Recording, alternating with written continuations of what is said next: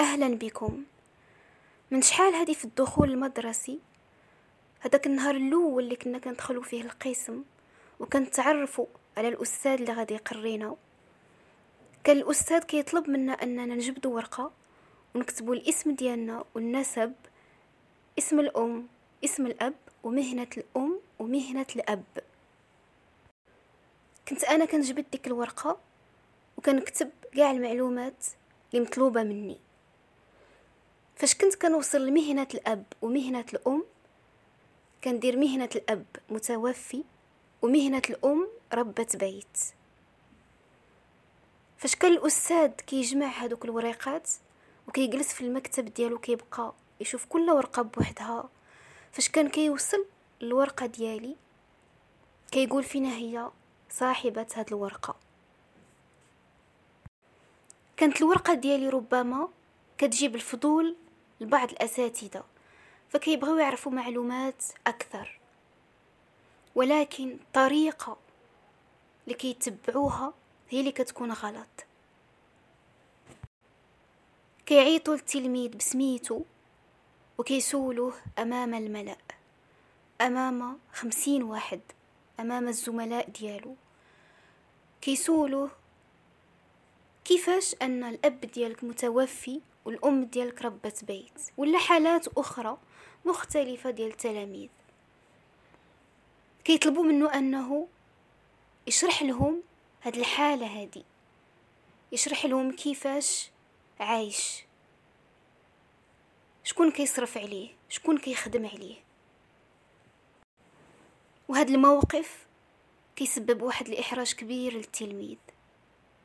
مزيان أن الأستاذ يبغي يعرف كتر على التلاميذ ديالو. مزيان أن الأستاذ يبغي يتقرب كتر من التلاميذ اللي كيقريهم. ولكن الطريقة هي اللي غلط. كل تلميذ عنده الخصوصيات ديالو.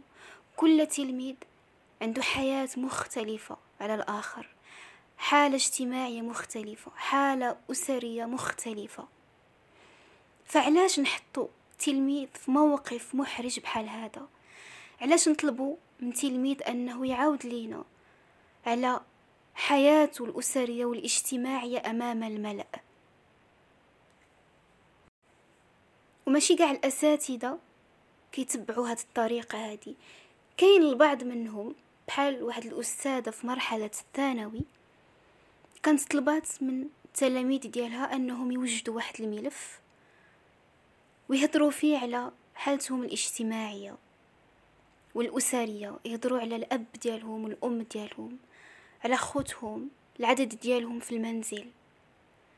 من بعد جمعات هذوك الملفات وداتهم لدارها ودرساتهم بوحدها وحافظات على الخصوصية ديال كل تلميذ. ومن بعد فاش درسات هذوك الملفات ولات عارفة الحالة الاجتماعية ديال كل تلميذ. فشدات هذوك التلامذ لكي يعيشوا حالة اجتماعية صعيبة. شدات كل واحد فيهم وهضرت معاه بوحدو غير هي وياه. حفظات له الخصوصية ديالو. وطلبات أنها تعاونو في شراء الكتوبة. فأنه يشري قاع دوك المستلزمات الدراسية اللي خاصه عرضات عليه المساعدة ديالها بحب وباحترام بلا اختراق للخصوصية وبلا إحراج. في الحالة ديال هاد الأستاذة كنشوفو باللي النية كانت زوينة بزاف والطريقة اللي تبعتها كانت أجمل. مازال عقلة في مرحلة الابتدائي واحد الأستاذة كانت سولاتنا شفويا. أن كل واحد يهدر على نفسه ويقول مهنة الأب ومهنة الأم. وفاش كتقول مهنة الأب ومهنة الأم وكيكون الأمر ديالك مريب نوعا ما كيوقفك الأستاذ وكيقول لك شرح لي وكيبدا يهدر معاك أمام الملأ. لحسن حظي في هذيك المرحلة كانت الأستاذة عارفة الحالة الاجتماعية ديالي ف قالت لي صافي وتجاوزاتني. ولكن كانت وقفات عند واحد التلميذ. وطلبت منه أنه يشرح لها كيفاش أن الأب ديالو ما خدامش والأم ديالو ما خداماش. فقالت له في واحد الجملة واش عندكم الفلوس في الدار؟ قالها بكل براءة ديال الأطفال لأننا في النهاية كنكونوا أطفال. قالها آه عندنا الفلوس في الدار. ما عمري ما نسيت هاد الجملة هادي اللي تقالت لهاد التلميذ.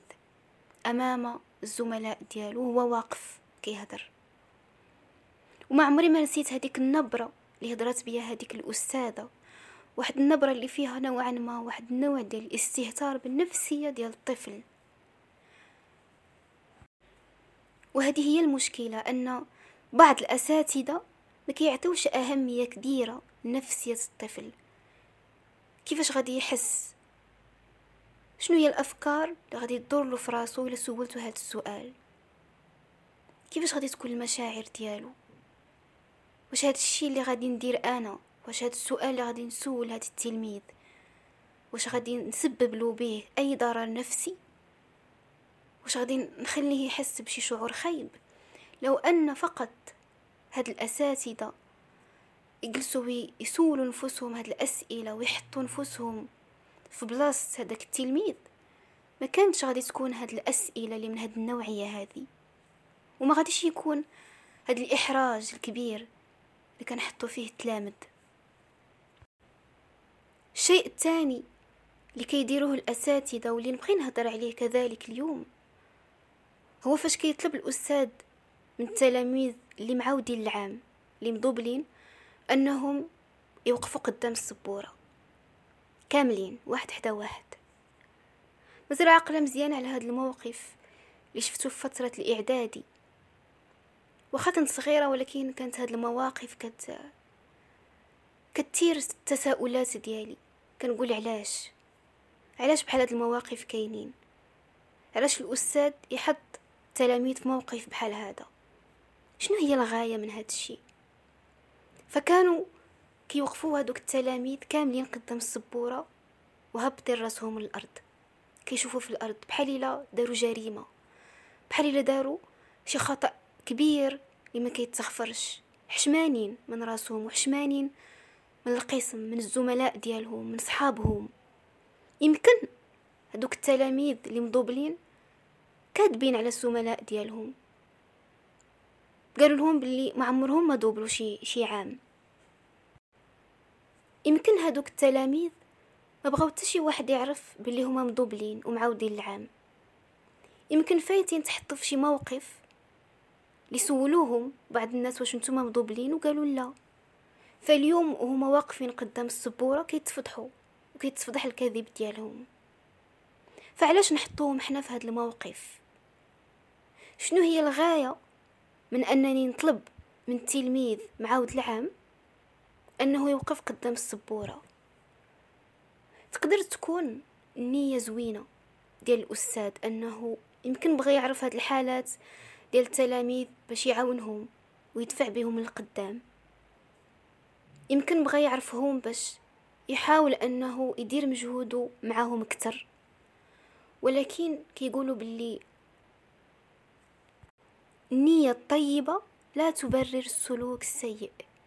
بمعنى واخا تكون النية ديالك زوينة هادشي ما تيبررش هداك السلوك السيء اللي اتبعتيه واخا تكون النية ديالك زوينة هادشي ما تيبررش الطريقة الغلط اللي تبعتيها باش توصل لهاديك النية الزوينة. الحاجة الثالثة اللي نبغي نهضر عليها هي السن.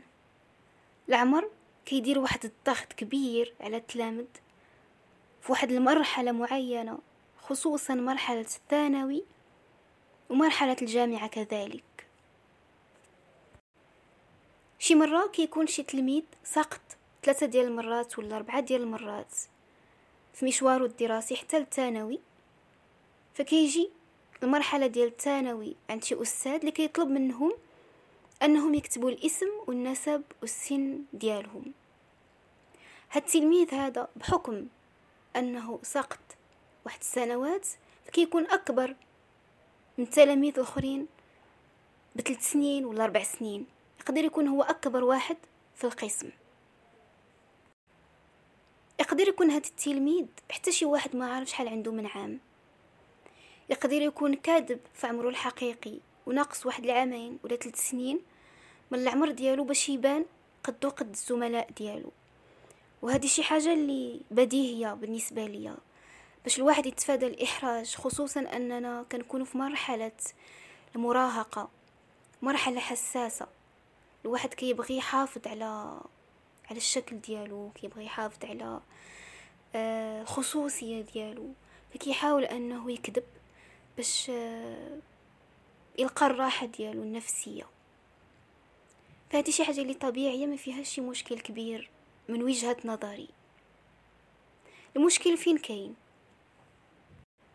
المشكل هو فاش كيجي هذاك الأستاذ وكيطلب من التلاميذ أنهم يكتبوا الاسم والنسب والعمر.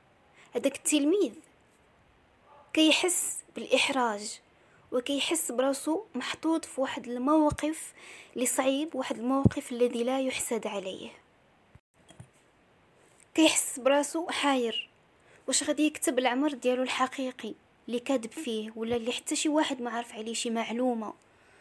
وبالتالي صديقه اللي جالس حداه ولا الناس اللي جالسين حداه غادي يعرفوا شحال عنده من عام؟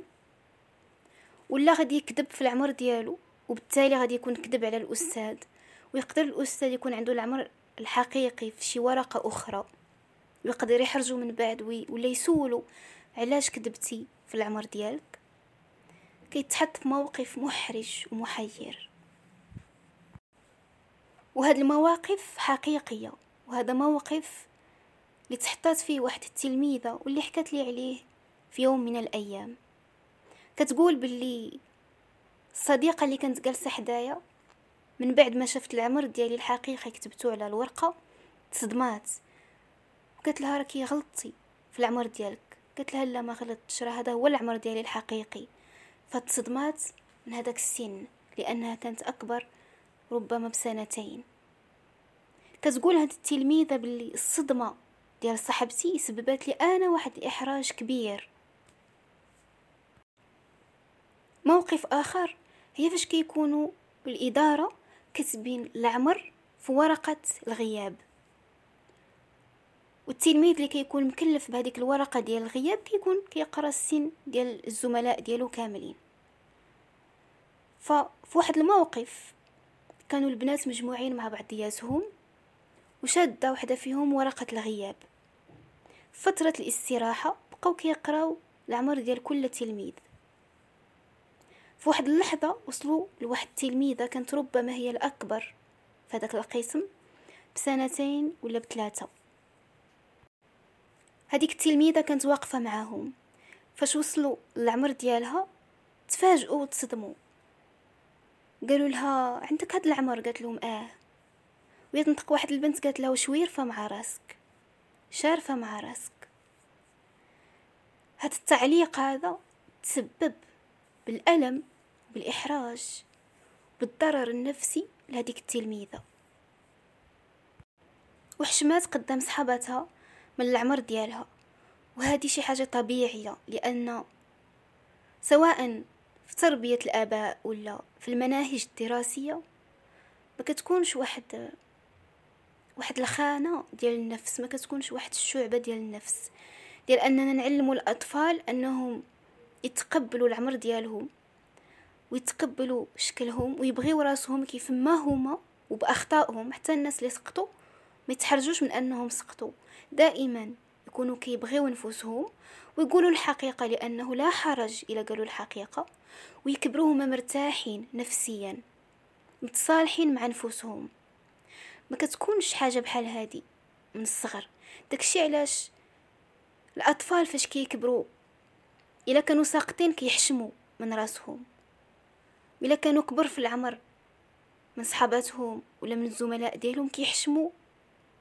من راسهم وكيحشموا من صحابهم في واحد المرحلة معينة. هذه ردة فعل طبيعية. لأن ما كيكونش واحد واحد الأساس صلب منذ الصغر. آخر حاجة نبغي نهضر عليها هي فكرة أن بعض الأساتذة كيطلقوا ألقاب على بعض التلاميذ. ألقاب اللي تقدر تكون جارحة.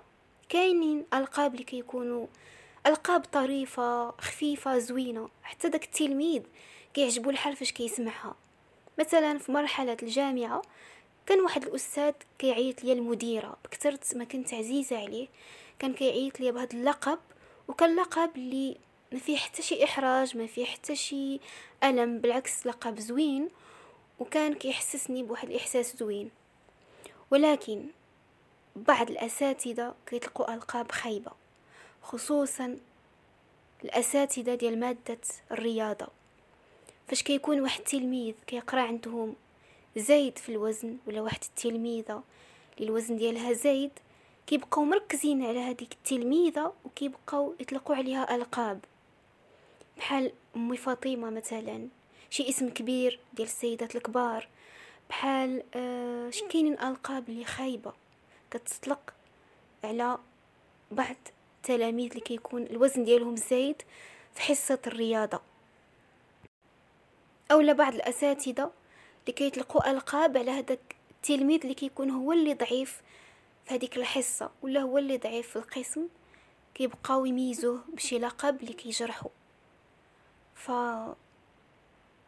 الكلمة ديالي لكل الأساتذة اللي يقدروا يسمعوا هذا التسجيل. أنا ما عرفتش واش هاد هاد التصرفات ولا هاد السلوكيات مازال لحد الآن ولكن أنا شهدت عليها في مشواري الدراسي. وبغيت أنني نناقشها ونهضر عليها. والكلمة ديالي لكاع الأساتذة قبل أي تصرف ديروه قبل أي سلوك ديروه فكروا واش غادي يكون عنده شي ضرر نفسي على هذاك الطفل على هذاك التلميذ على هذاك الطالب؟ حاولوا أنكم تفادوا كاع السلوكيات والمواقف المحرجة ولا المواقف اللي تقدر تسبب واحد الألم نفسي للتلميذ. ودائما دائما حافظوا على الخصوصية ديال التلاميذ وديال الطلبة. أي حاجة خاصة بالتلميذ فهي خاصة به هو. خليوها ليه. وإلا بغيتو تعرفوا معلومات أكثر بنية أنكم تساعدوه ولا بنية أنكم تقربوا منه أكثر فبيناتكم بجوج كأستاذ وكتلميذ فقط. ما يكونش طرف ثالث بيناتكم ولا بغيتو يكون طرف ثالث فمن الأحسن أنكم تخليو تسولوا التلميذ وتعطيو حق الاختيار واش بغيتي يكون معنا طرف الفلاني كطرف ثالث ولا لا. كذلك أنتم كتسولوا التلاميذ على حياتهم الخاصة والأسرية والاجتماعية وعلى السن ديالهم. دائما أعطيوهم حق الاختيار. إلا بغاو يقولوا يقولوا ما بغاوش فهما عندهم الحرية أنهم يحتفظوا بهداك الشيء لنفوسهم. فاش تقولوا التلاميذ يكتبوا في الورقة معلومات فأعطيو حق الاختيار لهاد التلاميذ. اللي بغى يكتب يكتب اللي ما بغاش ما يكتبش. وما تسولوهش علاش. وإلا بغيتو تسولو علاش فبيناتكم بجوج. وتفادوا الألقاب. تفادوا الألقاب لأن مع تكرار اللقب باستمرار على مسامع التلميذ مع المدة غادي يتيق باللي هو فعلا هذاك اللقب. غادي يولي فعلا مؤمن باللي هو يساوي هذاك اللقب. ومن بعد غادي يولي يمكن صعيب عليه أنه يتحرر من التأثير ديال داك اللقب عليه. فتفادوا الألقاب. وأنا كنتمنى كون كل رجال المؤسسات التعليمية بما فيهم المدير الأساتذة المعلمين كلهم كل رجال المؤسسات التعليمية تكون عندهم واحد الخلفية من علم النفس. ولو بشكل عام يكونوا كيعرفوا بعض الأشياء وبعض الدراسات من علم النفس أكيد. غادي تفيدهم بزاف في طريقة التعامل مع التلاميذ ومع النفسية ديالهم. دمتم أساتذة حكماء مثقفين واعيين. دمتم بحب.